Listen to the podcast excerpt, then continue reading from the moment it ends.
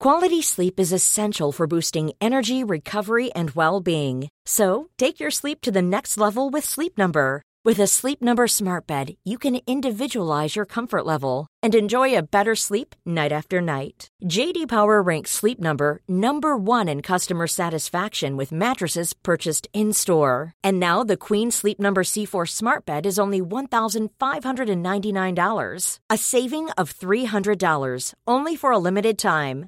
For JD Power 2023 award information, visit jdpower.com/awards. Only at Sleep Number stores or sleepnumber.com.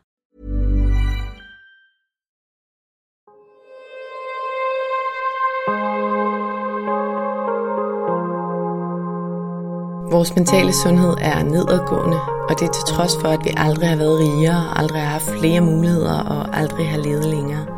Det skal vi selvfølgelig tale højt om, så vi kan blive klogere på, hvordan vi får det bedre. Podcasten her handler om, hvordan vi kan lykkes med at være gladest og friest muligt i det ene, ofte ret travle liv, vi har. Og den handler om, hvordan vi kan lykkes med at være både professionelt ambitiøse og passe på os selv på samme tid. Jeg taler med eksperter og privatpersoner om alt det, der fylder inde i os. Min erfaring er, at når vi taler højt om de ting, så opdager vi, at der er mange andre, der bøvler med de samme ting. Og jeg tror virkelig på, at vi kan lære af og inspirere hinanden ved at dele vores sårbarheder, erfaring og viden. Så velkommen til Vores Mentale Sundhed, en Mindcare Collective podcast. Jeg håber meget, at du vil lytte med, og at du følger med på min Mindcare Collective profil på Instagram, hvor jeg hver dag deler indhold til refleksion, motivation og inspiration. Jeg hedder Lea Helmand. I podcasten i dag har jeg besøg af Pia Kallesen, og det har jeg personligt glædet mig rigtig meget til. Nogle af jer har måske hørt navnet Pia Kallesen før, fordi hun og emnet metakognitiv terapi er faktisk blevet nævnt ret hyppigt de sidste par år. Pia Kallesen hun har en Ph.D. i metakognitiv terapi, som er en terapiform, der har fået enormt meget fokus igennem de sidste par år, og som bliver mere og mere udbredt, og det er primært fordi den har vist sig som en rigtig effektiv terapiform. Og det kommer vi selvfølgelig rundt omkring i dagens afsnit. Inden vi starter vil jeg som altid også lige nævne, at du helt gratis og nemt kan støtte, at der bliver ved med at komme nye afsnit af vores mentale sundhed. Det gør du selvfølgelig først og fremmest ved at dele, at du lytter med derude. Derudover betyder det selvfølgelig også rigtig meget, hvis du rater podcasten, anmelder den og subscriber til den i din podcast-app, hvis du kan lide det, du hører. Du kan også donere et valgfrit beløb til podcasten. Det gør du via MobilePay-nummeret 155503, som du også kan se i tekststykket under afsnittet her. Det er alt sammen med til at støtte, at der kan blive ved med at komme nye afsnit. Tusind tak. Velkommen til Pia Kallesen. Tak. Pia, jeg har glædet mig rigtig meget til at have dig med i podcasten i dag, fordi du er ekspert i det, der hedder metakognitiv terapi. Du kender blandt andet ophavsmanden til metakognitiv terapi, som hedder Adrian Wells, som du også har taget en uddannelse hos, og så har du skrevet en Ph.D. inden for emnet. Og jeg læste din bog Lev mere, tænk mindre for, jeg tror det er halvandet års tid siden. En bog, som jeg i øvrigt varmt kan anbefale folk at læse. Og jeg fik altså dengang øjnene op for metakognitiv terapi. Og siden da, så synes jeg jo, at emnet og dit navn, det, det dukker op flere og flere steder, og det må jo tyde på, at, at det kan noget vigtigt. Og derfor så skal vi selvfølgelig tale om det i dag, fordi den her podcast handler om alt det, der fylder inden i os. Og formålet med den er, at vi kan lære af at inspirere hinanden i forhold til at styrke vores egen mentale sundhed og trivsel, og grundlæggende få nogle redskaber til sådan potentielt at få et lidt bedre liv, eller få lidt mere ud af livet, af det her ene liv, vi har. Og øhm, helt grundlæggende, og det kommer du meget mere ind på, så hjælper terapiformen, altså metakognitiv terapi, den hjælper til, at vi kan øhm, ideelt lykkes med at gruble meget mindre og bekymre os meget mindre, end vi ofte gør, og egentlig være mere til stede i nuet. Og mange af os bruger rigtig meget tid på bekymringer og på grublerier og tvivl. Og det kan ende i blandt andet angst og depression, men jeg tænker også, det kan være uhensigtsmæssigt, selvom det ikke ender der.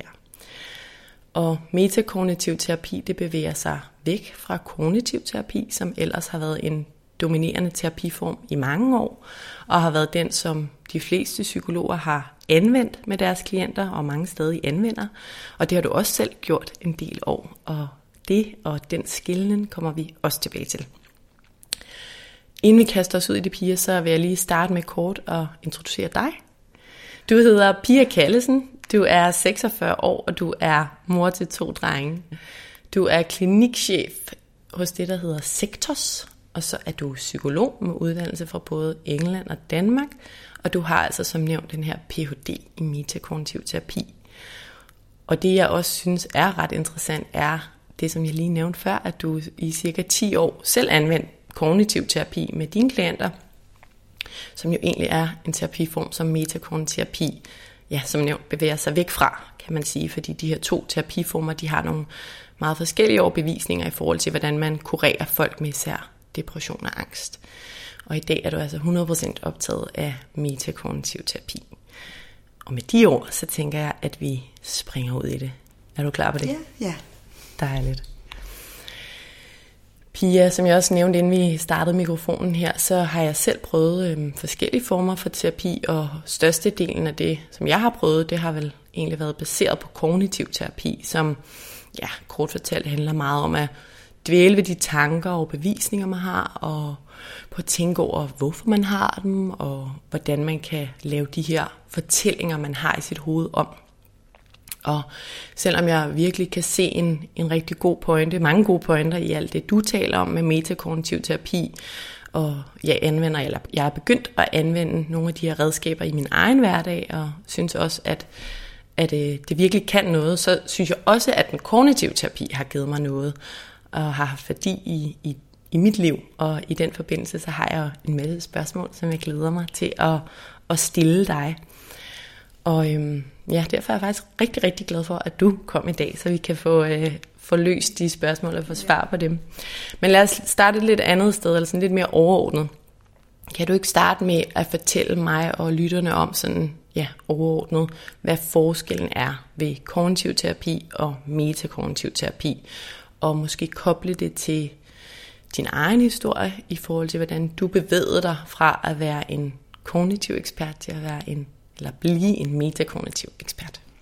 Ja, øh, jeg lavede jo selv kognitiv terapi de første 10 år som psykolog, og den bygger jo på, øh, på øh, skemata-teorien, det vil sige, at vi har nogle grundlæggende overbevisninger om os selv, andre og verden, som, som farver vores øh, fortolkninger, og som øh, betyder, at vi måske tolker verden for negativt, eller os selv for negativt.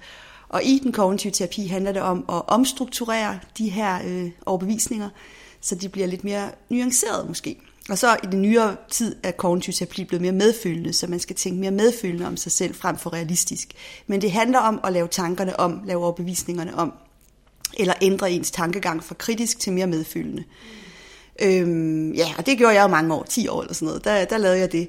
Øh, men så mødte jeg jo Adrian Wells, da jeg lavede min Ph.D., og han havde forsket i årsagerne til psykisk lidelse. Altså han har brugt 30 år på at finde ud af, hvad er egentlig årsagen?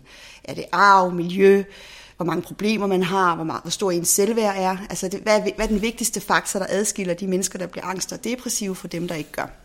Og de her faktorer havde jo alle sammen betydning i en vis grad, men den vigtigste faktor, han identificerede, var, hvor meget tid vi bruger på tanker og følelser. Øh, og det er jo der, hvor det metakognitive blev skabt, kan man sige, for det bygger jo på, øh, på selvreguleringssindet, øh, altså at sindet er selvregulerende, med mindre vi bruger tid på tanker og følelser, så forhindrer vi eller forlænger vi den der selvregulering, som ellers bare naturligt finder sted. Og det øh, skabte jo lidt øh, en, en, en tsunami i mig, fordi jeg tænkte, oh my god, nu har jeg jo bare siddet og brugt tid på tanker og følelser. Det har jeg jo gjort i kognitiv terapi. Der sidder man og bruger tid på tanker og følelser. Det er jo ligesom det, det man laver. Og så skulle folk også hjem og bruge tid på, på deres tanker og følelser som hjemmeopgave.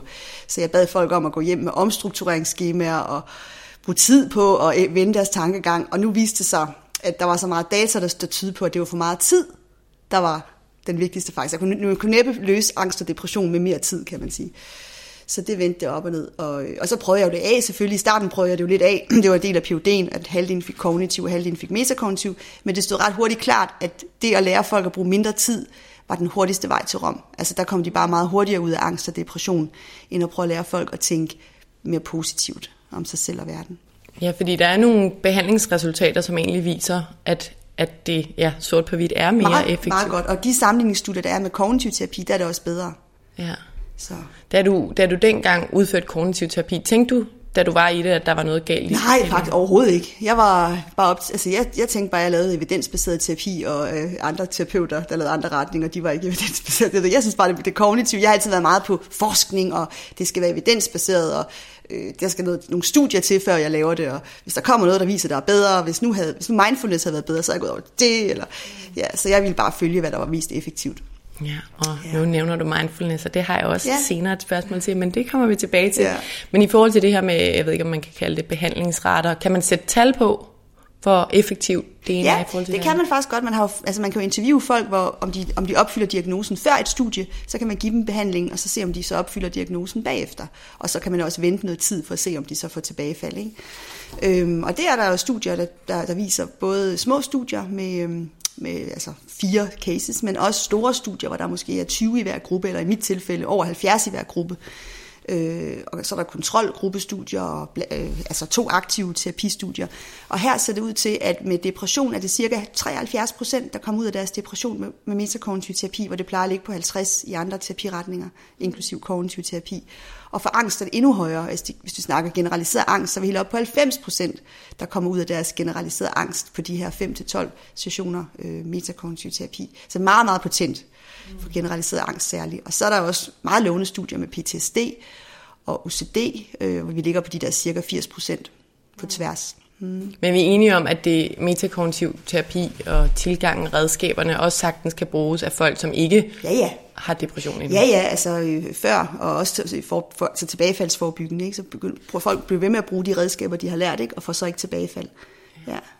Pia, jeg har øhm, både været, været til dit foredrag, og som sagt læst din bog, og også hørt nogle podcast med dig før, hvor du har givet i hvert fald ofte det her eksempel med, med dit eget liv og din søn, og øhm, ja, hvor du ligesom fik lov virkelig at prøve den her terapiform. Har du lyst til at fortælle lidt om det?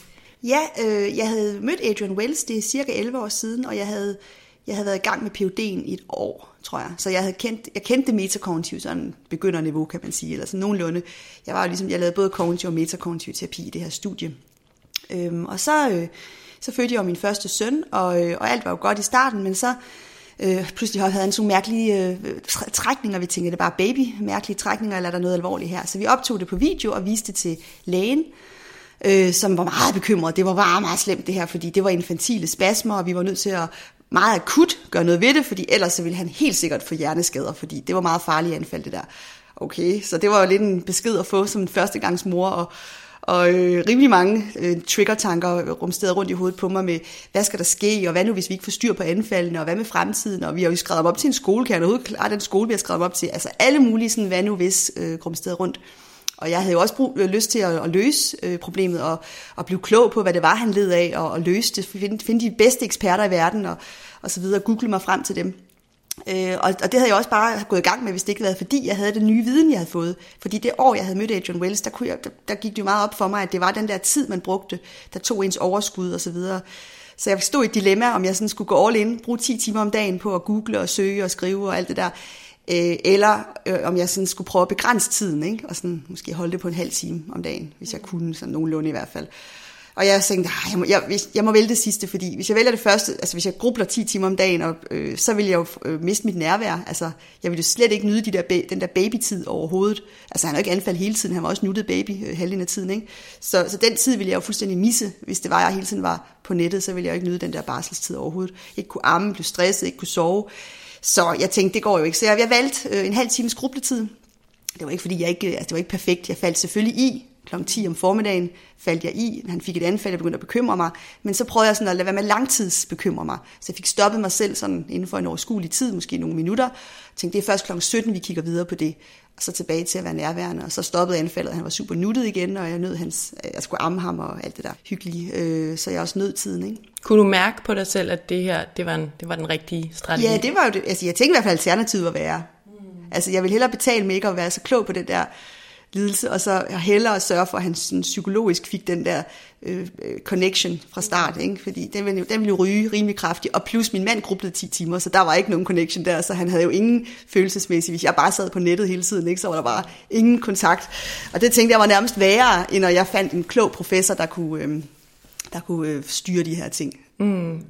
Og i dag, i forhold til, hvordan han har det, er du også glad ja, for, at du tog den strategi? Ja, ja, meget, fordi ja, så viste det sig, at det alligevel ikke gik så slemt, som man kunne frygte, og han har det meget, meget godt i dag. Han har ikke haft anfald længe, og ja, vi øh, blev hjulpet på Rigshospitalet, og nu er vi på sådan en ketogen diæt, vi er ved at trappe ud af. Så, øh, så han har, ja, spiser nærmest normal mad nu. Altså, og det, han har ikke fået anfald, selvom vi er oppe på meget høj procent øhm, kulhydrat. Mm. Så ingen anfald stadigvæk, så det var optimistisk. Tak for at dele det. Jeg synes, det er et meget godt eksempel. Og det eksemplificerer jo også det her, som du taler meget om med, at vi har en tendens til at tænke, at jo mere vi tænker over det, jo, jo bedre løsninger får vi. Og det kender jeg jo også for mig selv. Det er faktisk noget, jeg tit tager mig selv i, efter jeg også har læst din bog. Sådan. Og det kan jo være små, små øh, beslutninger egentlig, som bare lige pludselig fylder rigtig meget. Jeg sådan, åh, oh, hvis jeg lige vender og drejer det en gang ja, til. Ja, ja. For at tage en endnu bedre beslutning. Og den bliver ikke bedre af at tænke meget over den. Nogle gange er det bedre at tage en hurtigere beslutning, og så tage risikoen, ikke? Og hvis man så viser sig at have taget en forkert beslutning, så er det bedre ikke at langtidsævre sig. Så er det igen tiden, man bruger på at ævre sig. Man kan jo ævre sig i to minutter over en forkert beslutning. Man kan jo sig tre år non-stop. Øh, og hvis man er så tre år non-stop, så bliver man depressiv oven, oven i at have taget en forkert beslutning. Ikke? Så. Pia, der var en, der, der skrev til mig forleden dag på min uh, Mindcare Collective Instagram-profil, og fortalt, at øhm, eller spurgte til, fordi hun gerne vil høre lidt mere om depression og angst i forhold til, hvad der egentlig sådan helt lavpraktisk sker inde i hjernen. Jeg ved ikke, kan du fortælle sådan bare helt kort, hvad der egentlig sker hjernemæssigt, når vi får depression eller angst? Ja. Og, og kan man så forklare hjernemæssigt, hvorfor det med at bekymre os mindre hjælper hjernen til at undgå det? Ja, jeg kan i hvert fald øh, altså forklare mekanismen, sådan som øh, det metakognitive ligesom, altså forklarer det. Og øh, i hjernen, jamen der har vi jo hele tiden tanker, 70.000 tanker, der bombarderer os fra vores underbevidsthed konstant. Ikke?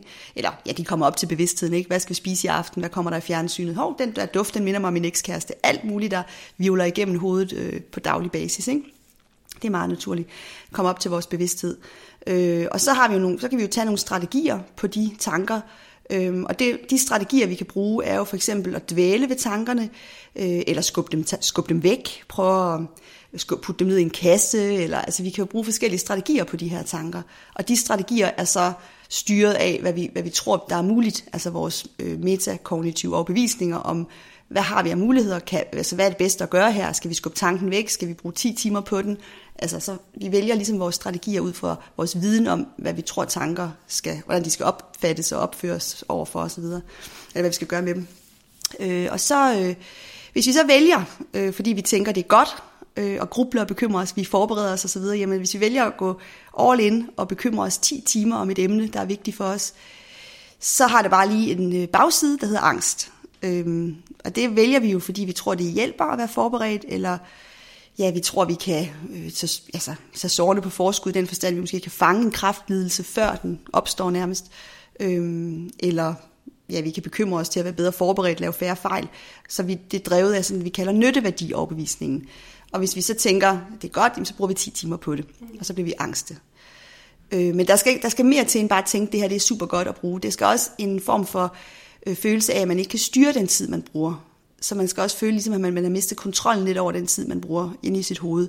Så man føler ikke helt, at man kan styre sine bekymringer øh, eller sine grublerier man, er måske, man kunne godt tænke sig at skrue ned for dem. Altså et eller andet sted, man er blevet lidt ambivalent omkring det. Man tænker, de hjælper en til at være forberedt, men man kan også godt mærke, at de stresser en. Så man tænker, jeg kunne godt tænke mig at skrue ned for dem. Men så føler man ikke, man kan. Og så ens opvisning er, jeg kan ikke styre det. Jeg kan simpelthen ikke stoppe det, som jeg egentlig gerne vil stoppe, som stresser mig. Og, som og når alle de her bekymringer og tanker og følelser fylder ind i hovedet, forestiller jeg bare, at jeg ser en hjerne. Og øhm, det fylder ind i hovedet. Hvad er det så, der gør derinde, at det når til at blive angst eller depression? Det er, kampen, det er kampen med, med tankerne, så du kæmper med dem, du prøver at skubbe dem væk, du prøver at øh, tænke anderledes, du prøver at lave om på dem, du kæmper og kæmper og kæmper, øh, og det har måske en kortsigtet effekt, du kan også søge beroligelse, det virker også kortvarigt, du får ro på, men så kommer der bare en ny katastrofetanke, eller en ny negativ tanke, og så skal den også behandles, og så bruger du bare hele dagen på at behandle tanker, øh, som bare bliver ved med at poppe op, ligesom de der dyr i Tivoli, man hele tiden skal slå i hovedet, og så ja, gør du det 10 timer om dagen i tre måneder, så er det opskriften på en, en angstlidelse eller en depressionslidelse. Ja. Interessant. Det jeg primært har taget med for din bog, der står mange gode ting, men en af de primære ting er, at vi egentlig, som du også er inde på, ikke skal give de bekymrende tanker lov at fylde hos os. Vi skal ikke undertrykke dem, vi skal bare ikke hoppe på dem. Og du taler om, at vi skal være dogne i forhold til dem. Og øhm, du taler om den her fiskekrogsmetafor. Kan du ikke lige sætte ja. ord på den? Det er bare et billede på at gøre ingenting med tankerne. Altså ligesom en fisk, der har dårlige dage med mange fiskekroge, eller gode dage med få, det kan fisken ikke helt selv styre. Vi kan ikke styre, om vi har gode dage med få negative tanker, eller dårlige dage med mange negative tanker. Men, men det, som vi kan styre som fisk, det er jo, om vi bider på krogen og begynder at tykke på fiskekrogene, eller som menneske. Og, øh, og på en dårlig dag med mange fiskekroge, så kan man sige, hvad er den bedste strategi? Øhm, så er der nogen, der altid siger til mig, svøm væk, svøm væk. Men det er jo så omstændigt. Ikke? Hvis nu man ikke var i gang med at svømme væk, behøver man svømme væk, bare for ikke at, tykke på de her fiskekroge. Og det behøver man jo ikke. Man kan også bare blive hængende, altså sidde lidt blive stående, eller ligge der sten, eller hvad man var i gang i. Det behøver, man, man kan jo godt bare gøre det, man plejer at gøre, mm. hvis ikke man var i gang med at svømme væk. Og så, øh, og så bare lade være med at tykke på de der negative tanker, der er der. Så man skal ikke gøre noget særligt på en dårlig dag. Man skal bare lade være med at tykke på de negative tanker. Og så vil de jo selvregulere, så der bliver en god dag i morgen. Og helt lavpraktisk, hvis det var dig, du stod ja. her i køkkenet. Og havde en dårlig dag. Ja.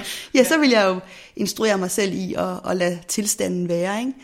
Ja, så vil jeg sige, jeg må gerne have de tanker, jeg må gerne have de her, den her følelse, og koncentrere mig om andre ting. Altså ikke fikse det. Øh, lad, ligesom en sten i skoen, man ikke, eller en vabel, man har, så man ikke gør noget ved, løber videre med vablen, eller går videre med vablen. Ikke?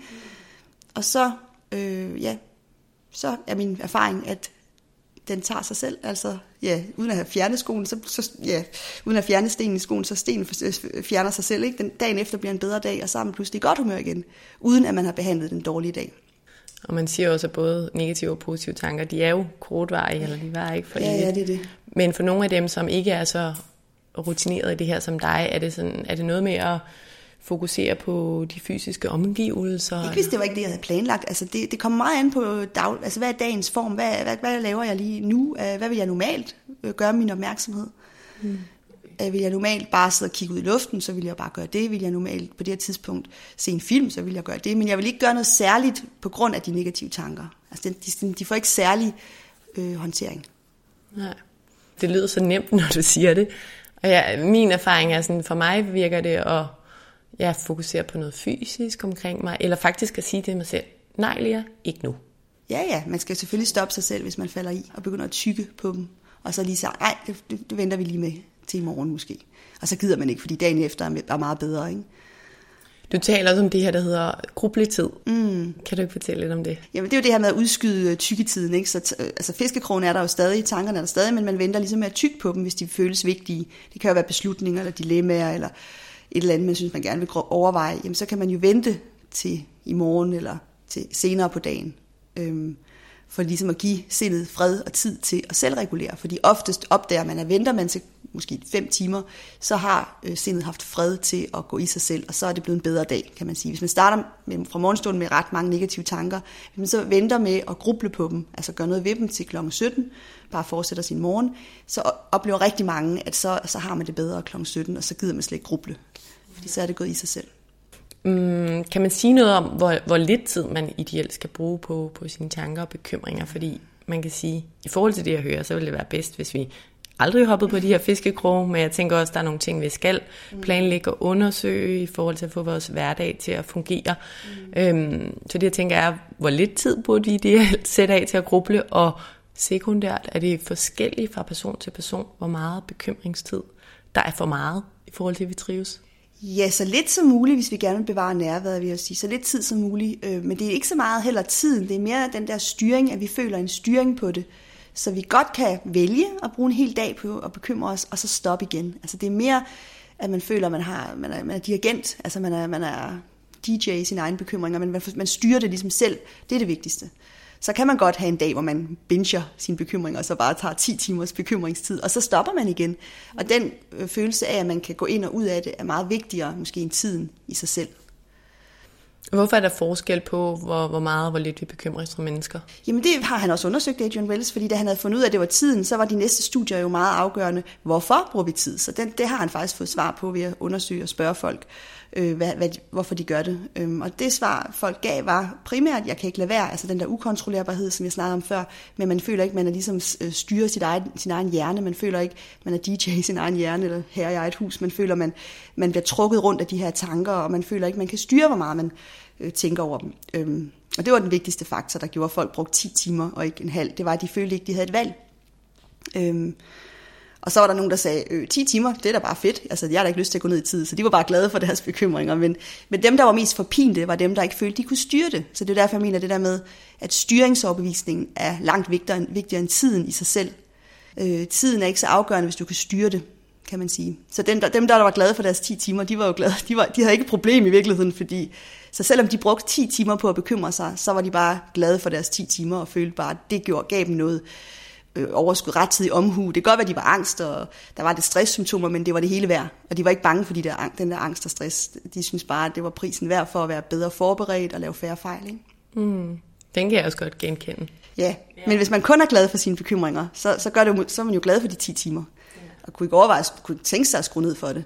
Så det er, når, det er mest, når man godt kunne tænke sig at bruge mindre tid, synes, der er for, for negative konsekvenser i forhold til fordele, altså nærværet ryger og overskuddet, godt tænke sig at skrue ned for det og være mindre forberedt, men man føler ikke, at man bare kan gøre det. Det er der, problemet opstår. Det kan jeg også godt genkende. Ja, og det er der, vi, det vi arbejder med, kan man sige, primært i metakognitiv terapi, det er jo den der styring, altså få følelsen af styring tilbage. Ikke? Mm. Ja.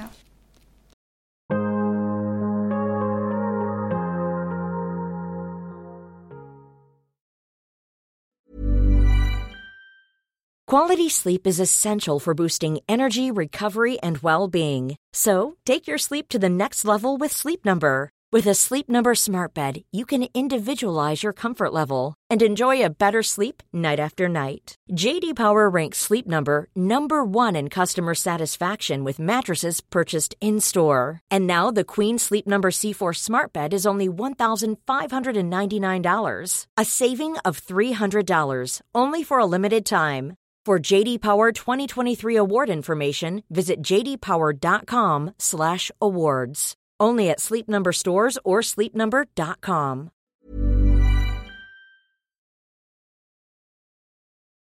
Nu nævnte du det der med mindfulness før, og jeg synes også, at jeg kunne huske, at, øh, at du havde nævnt, jeg tror det var på foredraget, at øh, mindfulness ikke er måden, vi egentlig er dogne på i forhold til vores tanker og ja, det lyder på dig som om, at det ikke er en ideel måde at behandle vores øh, bekymrende tanker på. Og da jeg hørte det, der blev jeg faktisk lidt forvirret, fordi som øh, jeg også var inde på lige før, så, så det er en måde, som, som jeg blandt andet kan få mine bekymrende tanker væk på. Det er ved at være til stede nu ud og fokusere på noget sanseligt, for eksempel ved min krop, eller ved at trække vejret dybt og fokusere på min vejrtrækning. Og det siger man jo også omkring meditation, altså det er jo egentlig det, det er, at det man, er, man er opmærksom på sine tanker, men man forfølger dem ikke, altså man observerer dem som, som skyer på en himmel og lader dem passere. Og jeg tror, jeg er interesseret i forskel mellem de her skyer og fiskekrone, fordi jeg tror, jeg ser det lidt som det samme, altså at man observerer tankerne, skyerne eller krone, og lader dem dårligt passere. Så hvorfor er mindfulness ikke en vej frem? Ja, ja altså Eller ord, det, det er mere de ord, man bruger i mindfulness, som, som, øh, som har nogle ladninger på også. Altså for eksempel, man skal møde sine tanker med accept og, øh, og beginners mind og sådan nogle. Der er nogle koncepter, hvor, hvor det ikke er sådan, altså hvor man ikke bare lader sit mindset være, men hvor man skal have et særligt mindset over for tankerne. Og så, så nævnte du selv noget med at passere, hvilket også lover for meget. Altså i metakognitiv terapi er det ikke så relevant, om de passerer, det kan hurtigt blive et mål om, at de skal passere, og så bliver man frustreret, når de ikke passerer, fordi mm. skyerne burde passere. Jeg synes bare ikke, de passerer, du ved, så går man rundt og bliver frustreret over det.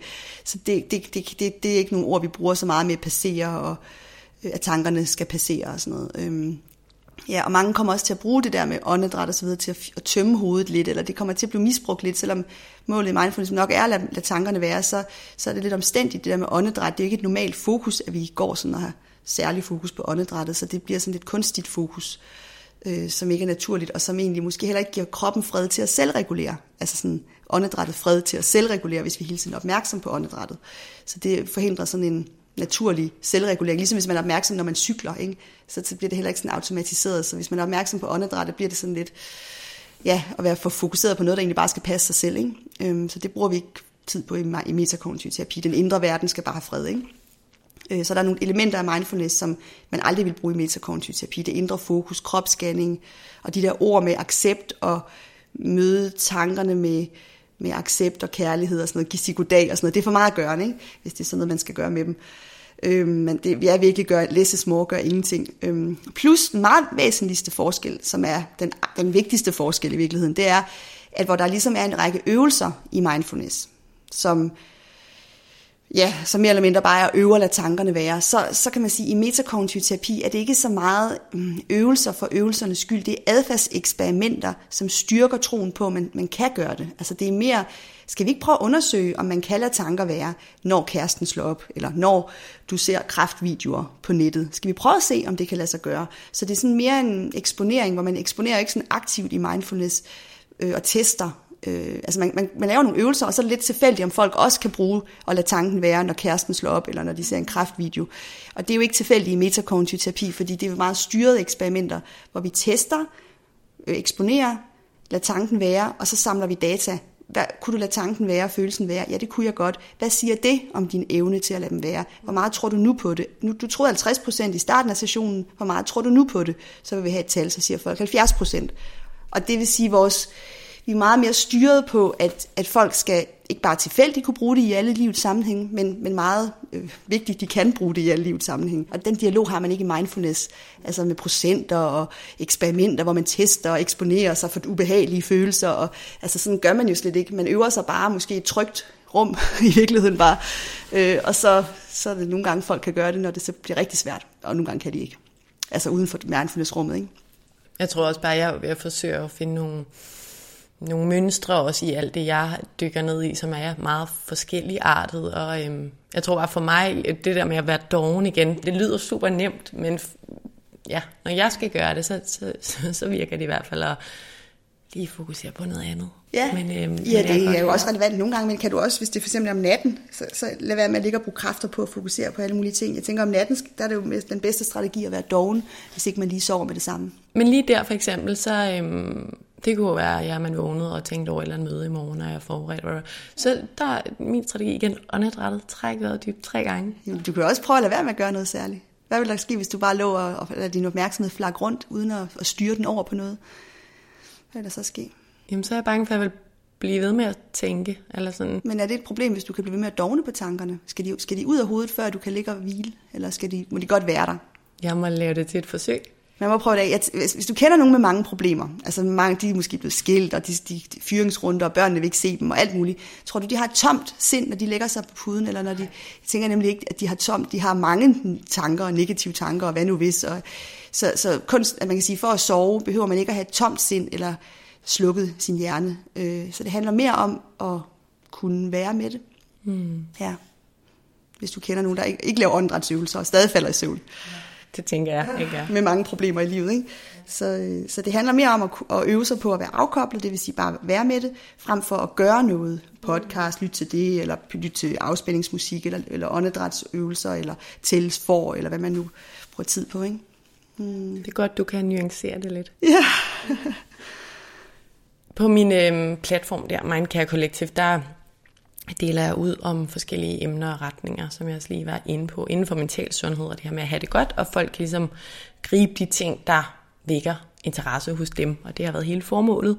Og jeg deler også nogle gange noget om positiv psykologi, og du var lidt inde på det før, men øhm, lad os lige dykke lidt ned i det, for det handler jo om, at det kan være powerfult at tænke positivt frem for negativt, og nogle studier viser også, at det kan have nogle positive konsekvenser at netop gøre det. Men som jeg forstår det, så er positiv psykologi ikke noget, øhm, som metakognitiv terapi tilskriver sig, fordi man jo egentlig anstrenger sig ved at ændre en negativ tanke mm. fra en negativ til en positiv, og dermed sådan lidt implicit. Åh, oh, det er for hårdt arbejde. Altså, jeg er mere til den dogne vej til Rom. Hvis, man, hvis, hvis slutresultatet er det samme, hvorfor så tage den hårde maraton til Rom? Hvorfor så ikke bare tage den, den stille, altså den mere dogne vej? Altså, det, det behøver ikke være hårdt. Øhm, og, og, og slutresultatet er som sagt det samme. Ikke? Man, man ender med at få de positive tanker naturligt, uden anstrengelsen. Mm. For pointen er, at hvis, man, hvis jeg aktivt siger, åh, det bliver en dårlig dag, så er sådan, vent lige lidt. Når dagen er overstået, er jeg er mega sej, så har jeg allerede ja, så har det været for hårdt, så har jeg allerede tænkt for meget. Ja, og det kan godt være, det virker, det er slet ikke det. Altså, det kan sagtens være, at du bliver bedre humør ved at dvæle ved den der positive tanke. Så på den måde kommer du til Rom, ikke? Altså, du kommer til slutresultat, bedre humør. Så der er ingen tvivl om det. Men, men hvad nu, hvis du kunne komme til Rom på en meget, meget mere doven måde, hvor du kunne spare den energi? Du kunne spare energien til at være nærværende over for dine børn, eller hygge dig med en hobby, eller altså spare energien. Og hvis, hvis, det, hvis du kan få samme resultat, godt humør, ved at være lidt mere tålmodig måske, altså, altså selvregulering er måske lidt mere langsomlig end, nu tænker vi lige positivt. Så på den måde skal du selvfølgelig også være lidt mere tålmodig, men hvis du er tålmodig doven, jamen så vil du få naturlige lykkefølelser og positive tanker sådan af sig selv. Hvad med sådan positive tanker generelt? Fordi hvad nu hvis jeg bare om morgenen har til vane at sige noget positivt til mig selv? Det er vel fint nok, ikke? Øh, jo, jo, altså det, man kan sige. Men, men så nu, altså man kan også spare kræfterne. Øh, det, det er jo et valg, ikke? Altså det er jo et valg. Jeg, altså, jeg, jeg tænker bare, at jeg er meget dovenanlagt, så jeg tænker, hvis jeg nu, hvis det bliver en god dag alligevel, så kan jeg da spare den energi, og så have lidt mere overskud til resten af dagen. så, så får man, det kan jo være, det kommer af sig selv, og det på den måde, ja, så fik man det bare lidt senere på dagen. Ikke lige så hurtigt måske, men man fik det. Hmm. Lad os øh, dykke lidt ned i øh, kognitiv terapi, som jeg jo nævnte i indledningen. Jeg har i hvert fald med tiden, synes jeg, selv nogle gange fået noget ud af at gå ind i en overbevisning. Forstå, hvorfor jeg har den her overbevisning, og så ligesom forsøgt at anerkende den, og måske, måske også lave den om. Jeg ved godt, det ikke lyder godt i dine ører, men, men et eksempel kunne være med, at du ved, jeg, øh, jeg har det med at undgå fejl. Det er noget, der har fyldt meget i mig, og som jeg arbejder med. Og lad os sige, at en, jeg får en kritisk kommentar, og det kan fylde meget hos mig. Og øh, du ved, jeg kan virkelig mærke den i maven. Og så kan jeg godt finde på at tænke sådan, holy ja, hvorfor får du egentlig ondt i maven? Og ja, det var den der kommentar. Og så tænker jeg, hvorfor er det nu, du føler sådan? Og så kan jeg godt finde på at kigge på det, jeg har lært, eller sådan at kigget ind i om min barndom, og nu nævner jeg bare et eksempel. Min mor for eksempel var meget sådan performanceorienteret og fremadstræbende, og hun ville gerne undgå sine fejl, og så tænke, nå ja, det giver god mening, at jeg har du ved, lært at få den her følelse, og lad mig lige give den lille pige ind i mig en krammer, og så sige, det forstår jeg godt, du føler, det er ikke sandhed, noget i den stil. Det er et meget simplificeret eksempel, som alligevel jo lyder, jeg kan godt, jeg kan godt mærke, når jeg fortæller processen højt, så lyder det jo hårdt, men, men ja, og det er jo i strid med metakognitiv i strid med metakognitiv terapi og den måde, det opererer på. Men betyder det, at jeg aldrig skal gøre sådan? kan du styre det? Kan du mandag gøre det, tirsdag lade være, onsdag gøre det, torsdag lade være? Ja. ja. Så kan du prøve det af. Man kunne lave sådan et eksperiment, hvor man tog en uge med og en uge uden, og så gjorde man status. Mm. Og så kan man jo tage den derfra. Hvis du så tænker, det var faktisk rart en uge, hvor jeg gjorde det der, mm. så fortsætter du med at gøre det. Hvis du tænker, den uge, hvor jeg ikke gjorde det, der havde det sgu lige så godt. Det gik lige så hurtigt væk. Og jeg, altså, så kan du jo vælge at lade være med. Altså, så man kan jo nogle gange lave sådan nogle små hjemmeeksperimenter, hvor man ligesom holder fri fra sine strategier og tester, om man nu vil tilbage fra sin ferie. Altså, du ved, man, man prøver lige at holde en lille ferie fra strategierne, bare lige en uge, og så gør man status, om der er skadevirkning, øh, eller man skal tilbage. Fordi det, hvis det så viser sig, at man heller vil øh, sine gamle strategier, så gør man jo dem. Hvis man viser sig, at det nye er bedre, så kan man jo fortsætte med den dårlige vej. Så nogle gange kan man teste det lidt, ikke? Ja. Hvis du siger, at du kan styre det.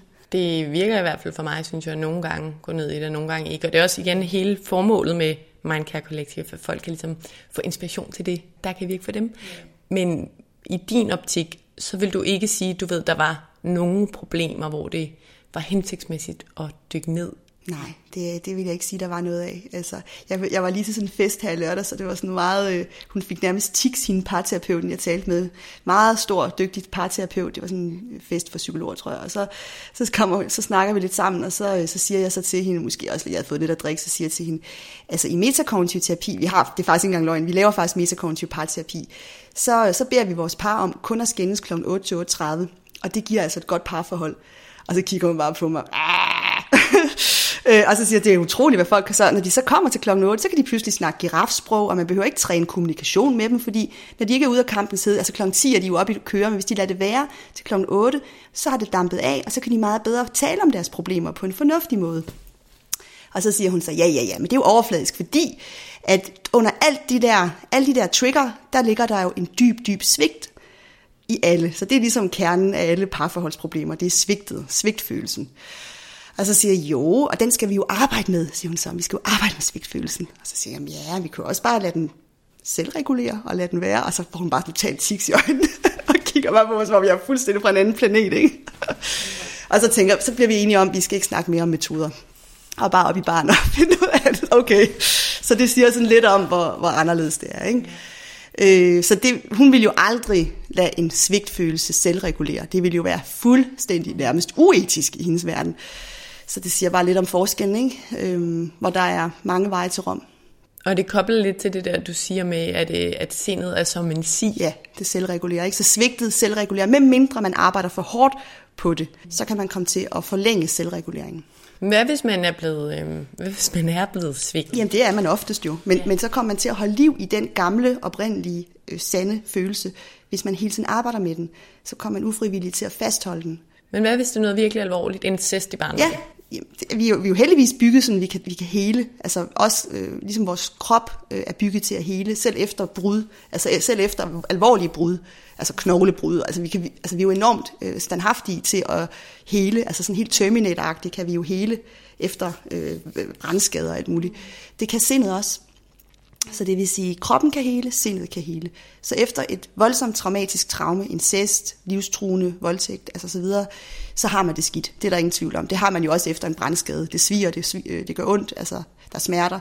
Så det er der ingen tvivl om, at der er symptomer også psykisk efter sådan en traume. Men statistisk set er det kun en ud af tre, der udvikler PTSD senere hen, altså efter en incest, efter en voldtægt. Så, din, så du har ikke en 100% Øh, PTSD-sandsynlighed, hvor det ligesom fylder også senere, hvor du bliver øh, mærket af det og invalideret af det. Øhm, øh, så, så to ud af tre heler. Det er jo en god, god nyhed, ikke? Og det tyder på, at vi har evnen til at hele, hvis vi bruger de rette strategier. Så man kan sige, selvom alle tre har det skidt efterfølgende, så er det jo ikke alle tre, der bliver ved med at kæmpe med tankerne, undertrykke dem, gruble, forsøge at løse dem, forsøge at ændre på dem. Og de øh, to, der ligesom opgiver den, det projekt, de, det heler jo så op, de, ja, de, det fylder ikke, incesten fylder jo så ikke senere hen. Så hvis nu, lad os sige, at jeg havde oplevet det i barndommen, det har ja. jeg ikke, men øhm, så vil du slet ikke sige, at jeg skulle gå ind Nej, i det? det behøver du ikke. Altså, du skal heller ikke undertrykke det jo. Det skal jo have lov, og ligesom et sår eller en brændsår, det skal jo selvfølgelig have noget luft, og være der, og give, altså faserne skal ligesom gennemleves, men, men du skal ikke gøre noget øh, sådan mentalt aktivt. Du skal ikke rense hele tiden og sådan noget, så bliver det også fastholdt. Hvad med dem, som taler om især sådan nogle kropsterapeuter, at, at kroniske lidelser, det kan også skyldes traumer, der ligger i kroppen. Hvad, hvad tænker du om sådan noget? Ja, igen, hvis det er langtids, øh, lever lang tid, så gør man et eller andet med det. Altså, så, så forsøger man for meget at løse det. Altså, så er der for meget... Øh, altså, ud fra den her forståelse, så hvis det sidder i kroppen flere år efter, øh, øh, og det ikke har reguleret sig selv, fordi vi, vi arbejder med, med top-down selvregulering, så når du begynder at lade, gøre mere og mindre med tankerne og flashbacksen, eller hvad det er, hvis det er meget traumatisk, jamen så heler det hele vejen ned, og så heler det jo også i kroppen som top-down, ikke? så du starter op i, lad tanken være, og så følelsen regulerer sig selv, og kroppen regulerer sig selv. Ikke? Og, og hvis du efter mange år stadig har noget i kroppen efter det gamle traume, så gør du et eller andet, jeg vil undersøge. Altså så vil jeg lede efter den der tankehåndtering. Går du og undertrykker, laver afspændingsøvelser, laver mindfulness, gør et eller andet for aktivt, så det forhindres i at selvregulere. Og det vil jeg også prøve at bede dig, altså man kan sige, spørge, om du har lyst til at gøre mindre af, og så se, hvad der sker med kroppen. Fordi så er hypotesen jo så, at top-down, så regulerer kroppen og heler kroppen også. Og den der selvregulering, den er jo enormt spændende. Jeg, kan tæ- jeg kunne forestille mig, at det er det, nogen har det svært med. Hvordan er det blevet undersøgt? Jamen, han har, han har brugt masser, det var det der 30 års studie der med årsager til psykisk lidelse, og hvordan fungerer sindet, og han udviklede den her, den her selvreguleringshypotese, øh, som han testede gennem mange forsøg. Og dem kan man faktisk læse om i hans grundbog, den første 1996, Attention and Emotion hedder den, hvor han præsenterer den her model over psyken, altså den her SI, den her selvregulerende model og, og alt det forskning, der dokumenterer den, ikke? Den er lidt tør, men hvis man nu er til at dykke ned i det, så kan man læse den Attention and Emotion 1996. Spændende. Ja. Jeg tror godt, jeg har svaret på det her spørgsmål, men jeg vil alligevel gerne spørge dig, fordi jeg nogle gange, jeg har altid været den overbevisning, du ved, man skulle ikke gå i seng, hvis man var øh, op ad skændes, eller bare diskutere med sin kæreste. Og jeg kan godt være sådan en, der virkelig sådan, hvis vi diskuterer om aftenen, og vi bare du ved, er for uenige eller for trætte, så kan vi godt nogle gange give lidt op. Og så kan jeg godt tage mig i at være virkelig ærgerlig over, at det ender der, fordi jeg undervist så tænker jeg, at det kommer til at sætte sig i mig det her. Og så når jeg vågner op om morgenen, så kan jeg jo egentlig godt mærke, at jeg er lettere. Øhm, og det er ligesom sådan, du dukken har løftet sig. Mm. Og det er sådan, så, så det er det, jeg skal bare være med, at Ja. nu er vi lidt uenige. Ja, ja, og så lad det selv hele. Og så tag den i morgen kl. 8 igen. Ja, hvis den stadig fylder. Ja. Så udvend, udskyde, øh, og så snakke om det igen i morgen kl. 8, hvis man stadig har brug for det. Mm. Ja. Vi talte lidt om angst tidligere, og noget jeg lige kommer til at tænke på, det er noget, der fylder hos mig, især efter jeg er blevet forældre, øhm, og som er noget, folk også skriver til mig omkring. Det er det her med, med dødsangst eller katastrofetanker. Øhm, for eksempel, hvis jeg kører i bilen med mine to børn, så, så øhm, kan jeg godt lige få sådan et billede af, at der er nogen, der smadrer ind i os. Og, og der synes jeg faktisk virkelig, det virker bare at være sådan, kør videre, kig på vejen. Eller sådan. Jeg er nok sådan en, der lidt siger nej til dem, bare sådan, den skal jeg ikke gå ned i. Øhm, og som sagt, det er også noget, folk skriver omkring, hvordan, hvordan er, er man ikke angst, når ens børn tager på gymnasiestudieture til, på skiferie og uden tøj og drikker rigtig meget, alt sådan noget. Når det er noget, der er så dyrebart for os, hvordan, hvordan skal vi så kunne være, lykkes med at være dogne? Ja, det er fordi folk misforstår doven med følelsesløs, fordi det du siger det før, det er, hvordan- kan jeg ikke føle angst, når jeg, når jeg sender mine børn afsted osv. Og det, der, kan man, der kan du høre i selve spørgsmålet, at folk vil gerne af med deres følelser. Så når jeg siger doven, så betyder det ikke følelsesløs. Det er en ret vigtig lille differentiering. Ikke? Doven betyder ikke, at det ikke er der. Altså, man, er, man har følelser, man har angsten, man har katastrofetankerne osv. Man gør bare ikke noget ved dem. Så første skridt er jo ikke at have et mål om, at det skal fikses. Altså ligesom at kigge på opvasken uden at tage den. Man er jo først nødt til at lade den være der. Altså man kan jo ikke have et mål om at fikse den, og så stadig kigge, bare kigge på den. Så først og fremmest må man ligesom kigge på angsten, uden at ville af med den. Det er første skridt, fordi man kan ikke både gå væk fra en dør og samtidig holde den lukket. Ikke? Det er sådan lidt to forskellige. Øh, så ja, så det vil sige, først og fremmest jo have et andet mål, der hedder, at du, man godt må være angst, når ens børn skal sendes afsted, eller man kører på motorvejen, eller hvad det nu er. Øhm, og så, at man øver ikke at håndtere den angst, mm. og bare fortsætter med det, man normalt vil gøre. Snakke med børnene, høre noget radio, køre videre, øh, ikke gøre noget særligt, ikke give den, altså ligesom et barn, der plager, ikke give særlig opmærksomhed yeah. til den. Men godt, man lader den være der, lad den eksistere. Ja, og en, og en vigtig distinktion, du laver der, fordi jeg tror også nogle gange, vi, vi har det med at tænke, jeg ved ikke om det er, fordi det er sådan en perfekt verden, hvor vi kan alt muligt, men sådan, at vi ikke vil have de der tanker. Ja. Men du sagde også, kan jeg huske i foredraget, at du havde et flot billede af en kage, hvor der stod lort og, livet er lort og lavkage. Du kan, ikke, du kan ikke slukke følelserne, du kan ikke slukke, øh, og du vil heller ikke slukke de positive, så det hele hænger jo sammen, ja. Ja, men jeg tror, vi mangler sådan en anerkendelse af eller en større øhm, aftabuisering egentlig, og accept af, at der er også svære følelser, og de skal også have lov. At være der. Ja, og ikke have så meget ops på, at de skal fjernes. Mm. Altså det ligger jo meget i det andet, du også med svigtfølelsen skal fjernes. Øh, ja, negative tanker skal gøres positiv, og der er sådan meget øh, ja, øh, intolerance over for negative tanker og følelser, kan man sige. Mm. Ja. Ja. Pia, lige her til sidst, så selvværd, det er jo noget, der fylder meget i mange snakke i dag, og øhm, statistikker viser også, eller i hvert fald artikler og så videre, at, at mange døjer med et lavt selvværd, eller i hvert fald har et selvværd, der, der godt kunne være stærkere, og øhm, mange kunne ja, nok tro lidt mere på, at de er gode nok præcis som de er, uafhængigt af deres handlinger og præstationer.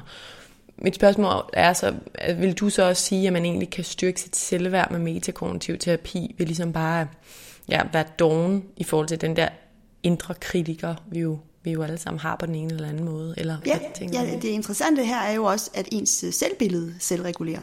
Så man har ikke et konstant selvbillede for, altså den ene dag tænker man, at man er god nok, og den anden dag tænker man, at man er en idiot. Ikke? Så selvbilledet er også selvreguleret. Øhm, så hvis man, der sker noget, at man bliver, ens negative selvbillede bliver aktiveret om, at man er en idiot, jamen så vil, hvis man lader det være, så giver man det jo fred til at selvregulere, så får man et godt selvbillede dagen efter, hvor man tænker, man er god nok. Så det normale selvværd er ikke sådan et, et altid godt, jeg er god nok øh, selvbillede, men et meget, meget varieret selvbillede. Så jeg vil hellere sige, øh, i stedet for at opbygge et selvværd, så handler det jo mere om at lade selvværdet selvregulere, så man får gode dage naturligt, og man føler sig god nok. Øh, altså at det kommer hurtigere til en. Mm. Hvis ikke man grubler på en dårlig dag, hvor man ikke føler sig god nok, ikke? så holder man jo ikke liv i den selvforståelse, så længe i hvert fald. Så får man ikke kronisk lavt selvværd. Man får selvfølgelig stadig en dag, hvor man føler lavt selvværd, men man får det ikke kronisk i hvert fald. Er der lavet studier på det? Ja, der er faktisk nogle små øh, self-esteem and metacognitive therapy, øh, hvor man behandler dem som et grubleproblem og, og dokumenterer, folk får et bedre selvværd, i hvert fald flere dage med bedre selvværd, end de plejer at have. Ja, Interessant.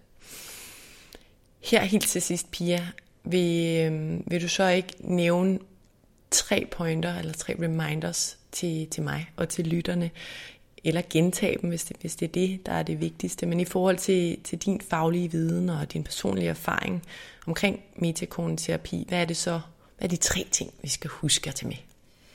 Øh, ja, det handler jo, altså det, ja, det, det tre ting, at sindet er en si, at øh, det selvregulerer, og selv den dårligste dag bliver god igen, hvis man lader være med at kæmpe for meget, og øhm, der er mange veje til Rom, øh, og den vej, jeg repræsenterer, er den meget, øh, hvor man ikke gør noget, det er virkelig gør ingenting øh, for at, at give det fred til at gå i sig selv. Og det øh, er måske lidt mere, det tager lidt længere tid, men det er stadigvæk ikke, det er stadig ret hurtigt øh, og mere effektivt også, hvis man ikke gør så meget. Øh, og langtidseffekten er meget god. Så ja, hvad skal jeg sige? Hvad, hvad tre vigtigste pointer? Det er jo at prøve at øve sig på at lade tanker og følelser være. Ikke have et mål om, at de skal gå væk, men have et mål om at lade dem eksistere og først tjekke ind på dem senere, og så vil man oftest opdage, at de er gået i sig selv, hvis man først tjekker ind øh, fem timer efter. Mm. Ja. Tak for det. Sindet er en sig, og vi skal være dogne og øhm, ja. anerkende tankerne. Lad dem være. Ja. Pia, tusind tak, fordi du vil være med i dag. Jeg øhm, synes jo, som jeg også har, har nævnt, at det her emne omkring metakognitiv terapi, det er virkelig spændende. Også selvom jeg også godt kan se værdi ved nogle gange, øh, nogle gange at dvæle ved mine egne overbevisninger, så har det givet mig rigtig meget i forhold til at prøve at være, være doven på min egen måde, i forhold til mine grublende tanker. Tak fordi du vil være med i dag og dele ud af din erfaring. Selv tak.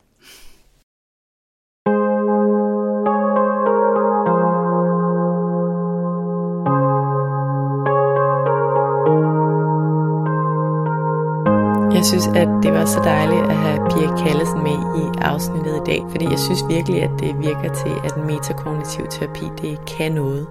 Og jeg kan selv mærke, at det tit hjælper mig, hvis der dukker nogle uhensigtsmæssige tanker op, så ligesom at ignorere dem, eller som Pia kalder det, at være doven i forhold til dem. Det har jeg i hvert fald haft god erfaring med. Som jeg også nævnte i afsnit, så er jeg personligt doven i forhold til mine tanker ved at tænke på noget andet.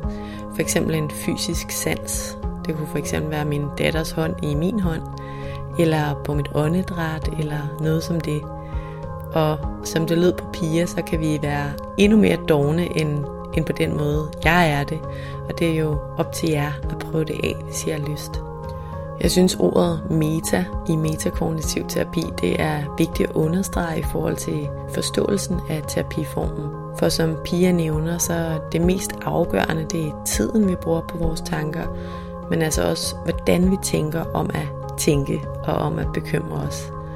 Så det er for eksempel afgørende, om vi inderst inde tror på, at vi kan komme til en bedre løsning ved at gruble meget, eller om vi vælger at tro på, at meget grubleri ikke nødvendigvis bringer os tættere på en bedre løsning.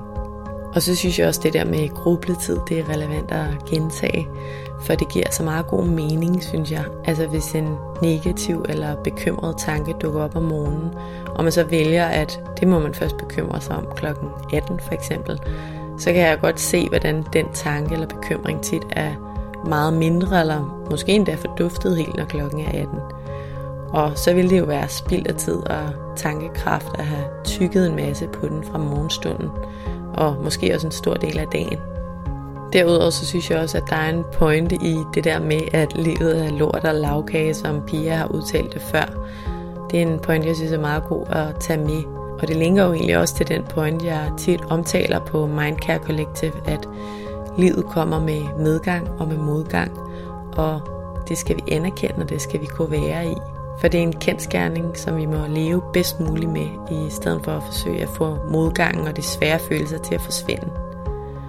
Til slut så vil jeg bare lige nævne, at vi jo alle sammen er forskellige, og jeg synes, at mange af de metakognitive tanker, de giver rigtig god mening, men jeg vil personligt nok stadig også dyrke nogle andre ting, især meditation, men også det der med til tider at dykke ned i noget, om det så er nogle særlige tanker, eller overbevisninger, eller noget svigt eller sorg. For mig der virker nogle ting til noget, og nogle ting til noget andet. Og så er jeg også stadig i fuld gang med at lære, og det tænker jeg, at jeg bliver ved med hele livet. Og så har vi jo heldigvis hver især lov til at vælge og vurdere, hvad der virker for os. Tusind tak, fordi du lyttede med i dag. Hvis du kunne lide det, du hørte, så husk, at du nemt og gratis kan støtte podcasten ved at dele, at du lytter med på sociale medier. Husk at tagge Mindcare Collective. Det betyder helt vildt meget. Hvis du kan lide podcasten, kan du også støtte den ved at rate eller anmelde den i din podcast-app, og ved at trykke på subscribe-knappen. Så ved du også altid, hvornår der udkommer et nyt afsnit. Det er alt sammen med til at støtte, at jeg kan blive ved med at lave nye afsnit af vores mentale sundhed. Som det sidste vil jeg også bare lige nævne, at du selvfølgelig altid er velkommen til at række ud, hvis du har feedback, idéer eller noget på hjerte, du gerne vil dele med mig. Du kan skrive til mig via min Instagram-profil, Mindcare Collective, eller via min hjemmeside, mindcarecollective.com. Tak fordi du lyttede med.